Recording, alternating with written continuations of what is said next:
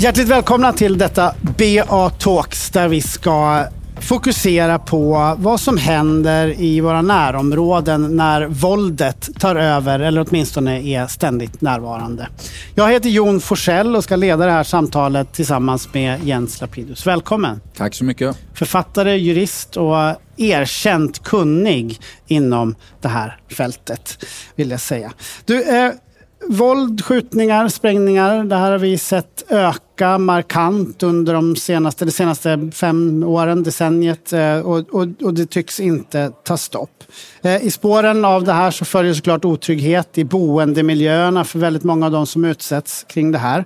Eh, är det, jag vill börja med att fråga då avseende just det eftersom vi har ett fastighetstema här hur, hur territoriella är de här gängen? För att det ökar, det har vi märkt tycker jag. Men en känsla är också att det sprider sig utanför de geografiska zoner som det tidigare har varit begränsat till.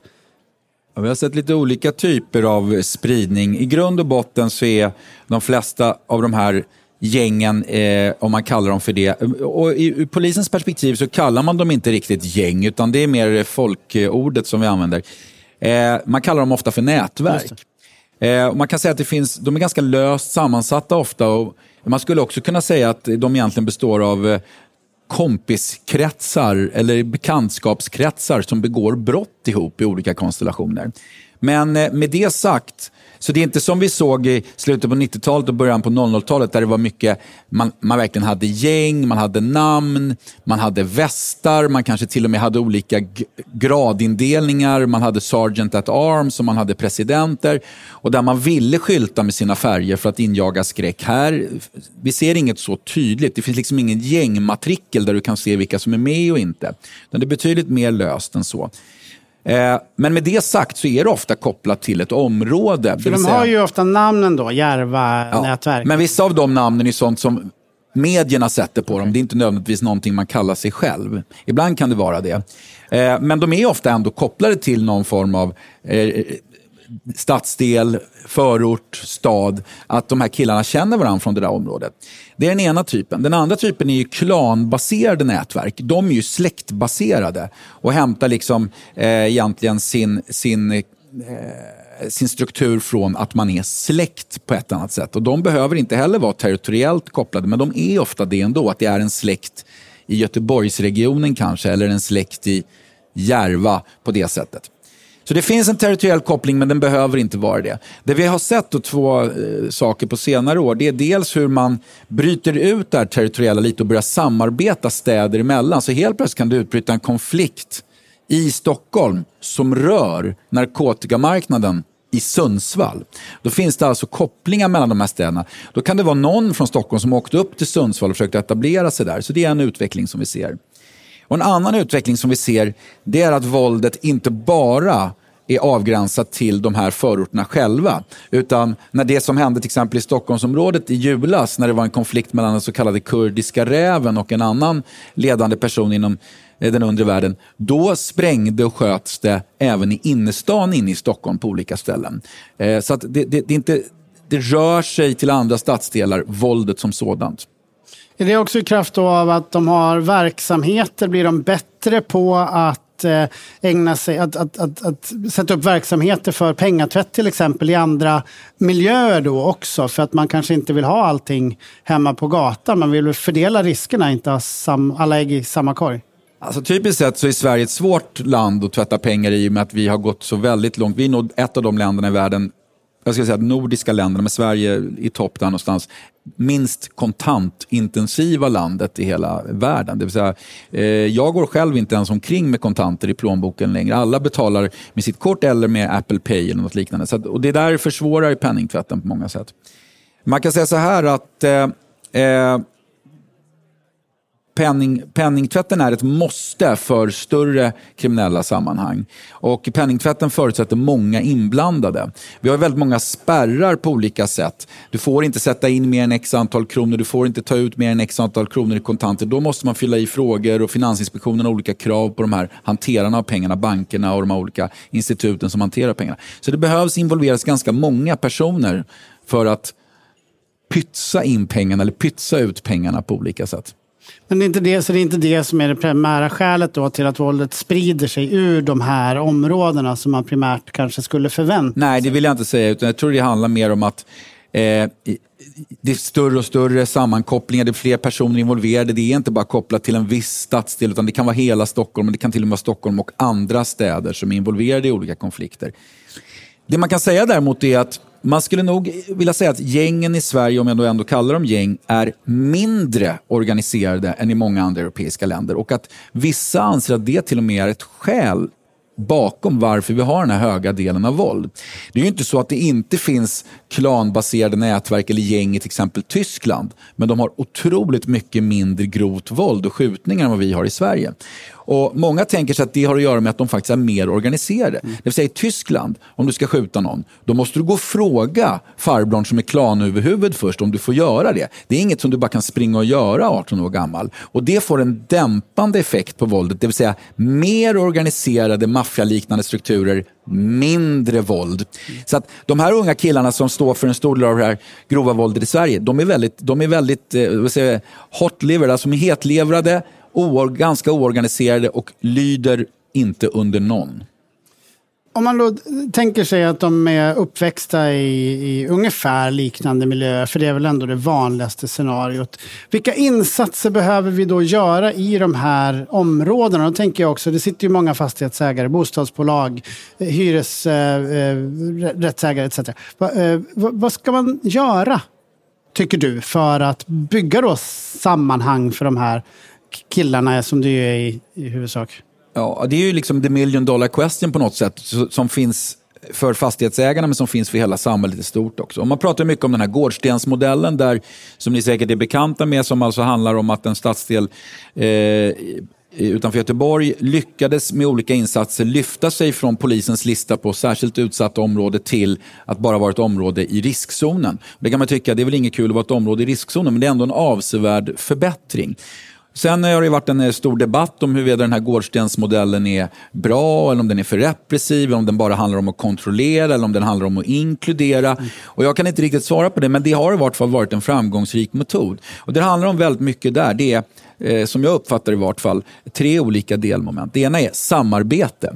Det vill säga att eh, bostadsbolaget eh, i det här fallet och kommunen och polisen och samhällets civilkrafter måste samarbeta. Det vill säga man måste prata med varandra, man måste hjälpa varandra för tillsammans är man starkare än en. En annan sak som det handlar om det är att ha liksom lite nolltolerans. Vi ska inte ens tolerera klotter, vi ska inte ens tolerera stulna cyklar eller skadegörelse. Man sätter gränsen ganska lågt och där kommer må hända en ganska kontrollerande funktion in. Men då känner också människorna som bor i området att man bryr sig om området på ett annat sätt. Och Den tredje funktionen som jag nästan tror är den viktigaste av allt, det är att på ett eller annat sätt aktivera föräldrarna. Därför att alla de här unga kriminella killarna, de har en mamma. Det är inte alltid de har en pappa, men de har alltid i vart fall en mamma som finns där. Och kan vi hjälpa och stötta henne? Kan vi få de här mammorna att gå ihop och möta varandra? Då blir de starkare. Då kan de göra mer, då kan de orka mer för att ta hand om sina grabbar. Mm. De här insatserna du pratar om, jag minns från tidigare år eh, på Business Arena samtal där man ju också konstaterat sådana små insatser som gräsklippning eh, frekvent hjälper till. Det vill säga att man som då fastighetsägare visar att man själv bryr sig om området och inte väntar på att, att eh, de som bor där ska börja. Det kan ju också vara en... en ja, det finns ju en, en rad väldigt konkreta men, tips. Ja. Alltså, jag skulle kunna räkna upp saker som att ha koll på nyckelbrickorna. Mm. För det handlar väldigt mycket om att de här unga killarna befinner sig i allmänna utrymmen.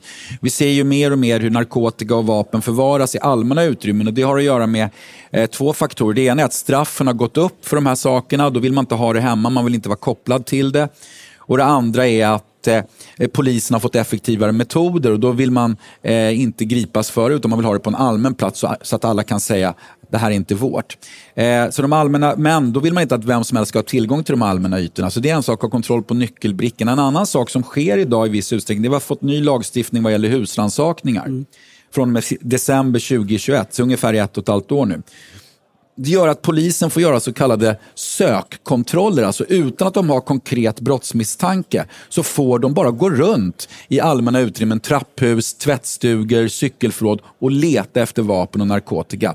Och eh, jag läste någon polisman som berättade om det här. De hade gjort det här om eh, veckan i Sollentuna. De hittar eh, balaklaver, vapen, knivar, de hittar narkotika, de hittar eh, skyddsvästar, de hittar vinkelslip. Ligger ofta gömt under takplattorna, lösa takplattor i taket, kan ligga i gamla övergivna barnvagnar. Men poängen är att polisen numera får gå runt och titta efter det här utan att de har en konkret utredning som pågår. Det låter som något som fastighetsskötare också får göra. Ja, men det farliga, och där får man ju vara varsam, och där handlar det om att ha en god kontakt och kommunikation med polis och andra myndigheter. Att självklart kan fastighetsskötaren göra det här. Men vad gör man om man påträffar något farligt? Eh, det är väldigt viktigt att man, man kan utsättas för påtryckningar, man kan utsättas för hot. Och det är här kommunikationen och samarbetet med myndigheterna kommer in som är viktigt.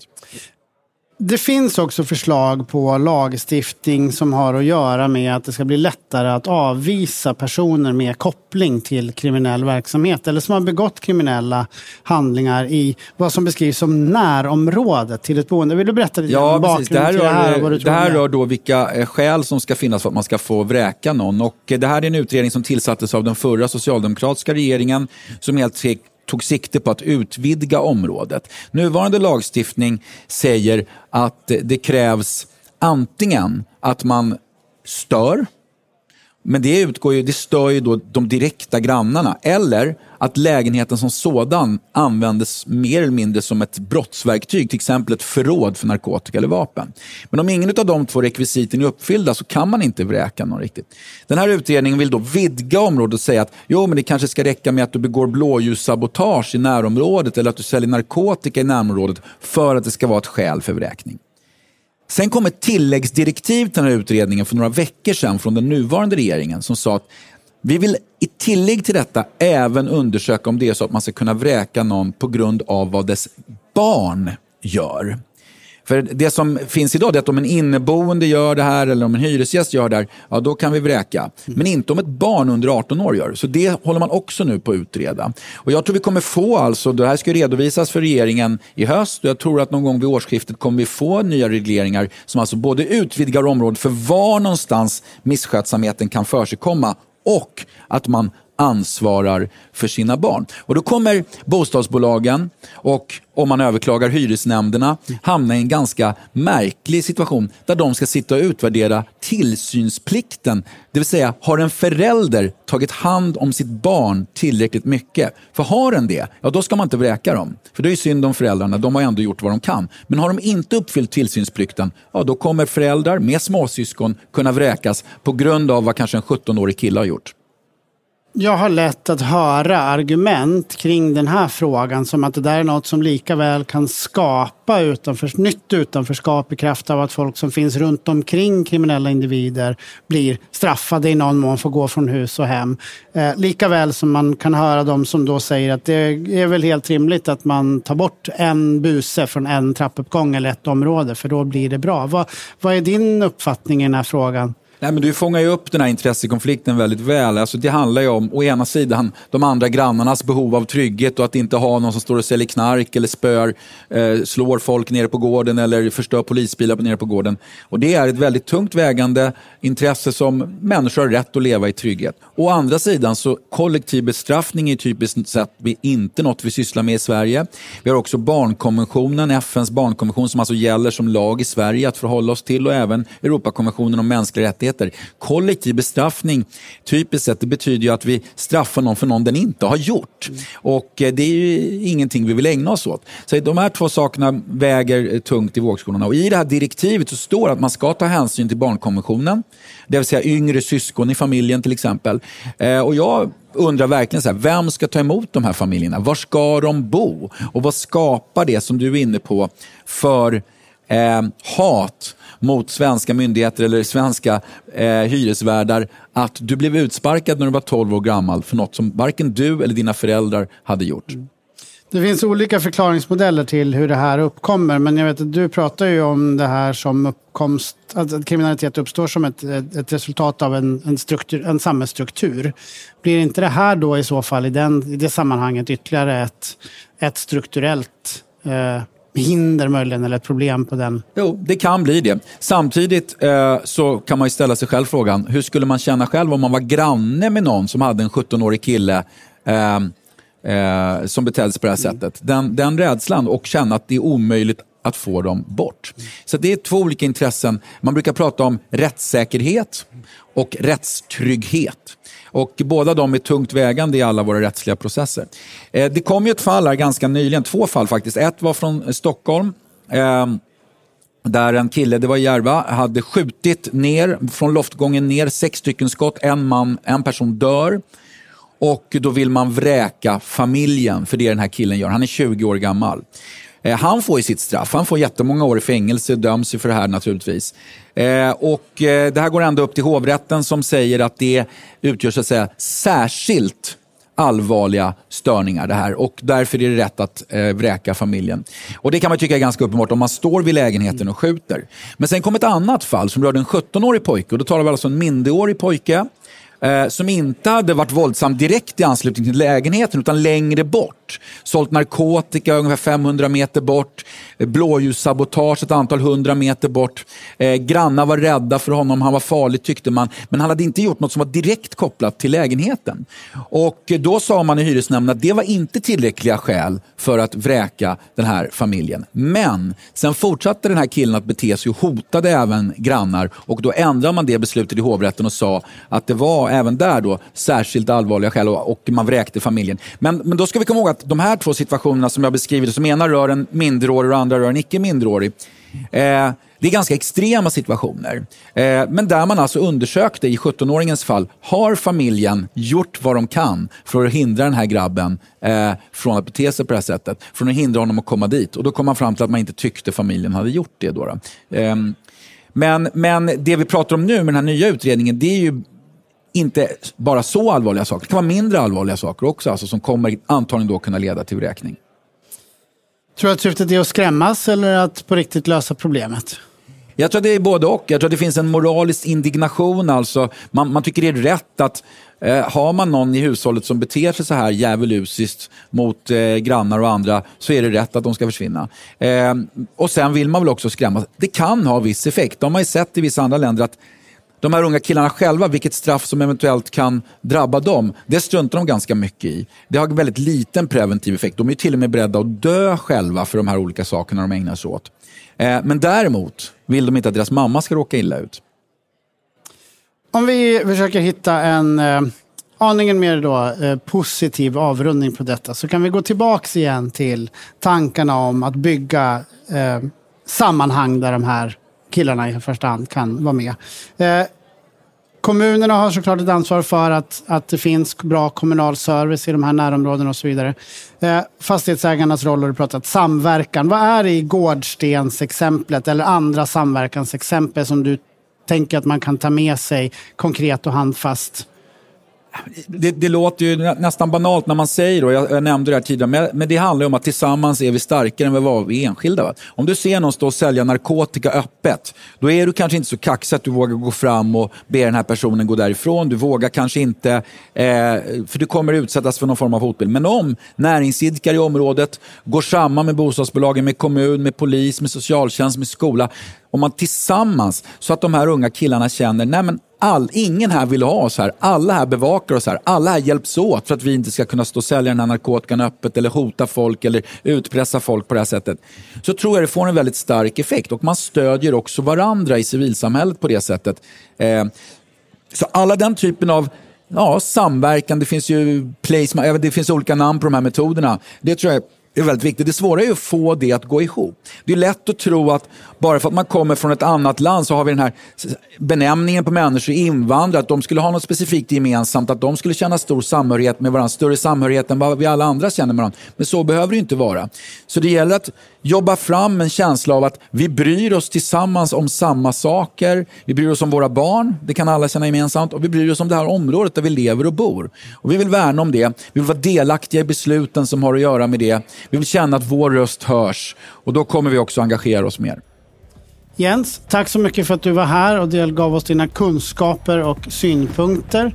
Eh, samtalet fortsätter såklart här på Business Arena Syd under kaffepaus om man vill. Eh, I övrigt så än en gång tusen tack för att du var här. Tack så mycket.